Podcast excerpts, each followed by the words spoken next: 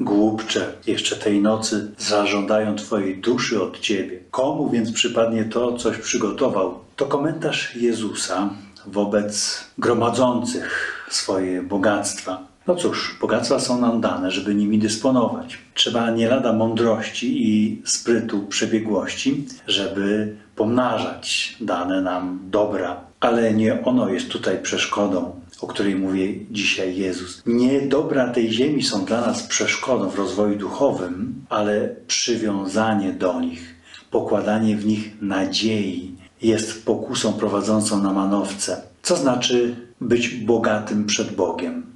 Przestań pokładać nadzieję na przykład w pieniądzach. Za pieniądze nie kupisz ani prawdziwej przyjaźni, ani prawdziwej miłości, ani mądrości. Za pieniądze nie uzyskasz szczerości, wierności, radości życia. Mówienie prawdy, wierność, radość życia pojawiają się, gdy zostawisz myśl, która ci każe ufać pieniądzom, bogactwu, dobrom tej ziemi. Ten skarb, o którym Jezus mówi, jest wyżej niż owe przyziemne myślenie. Dążcie do tego, co w górze, nie do tego, co na ziemi, powtarza święty Paweł. To wszystko marność wobec wartości, które Bóg nam proponuje. Zostaw przyziemne sprawy na swoim poziomie i wznieś się ponad ich ograniczenia, czyli zaufaj Chrystusowi.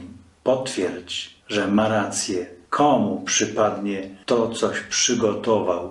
Twoją troską niech będzie radość życia i stawanie w prawdzie przed sobą i Bogiem. To jest być bogatym przed Bogiem. Czasem trzeba w pokorze wytrwać, a nie droczyć się o swoją rację.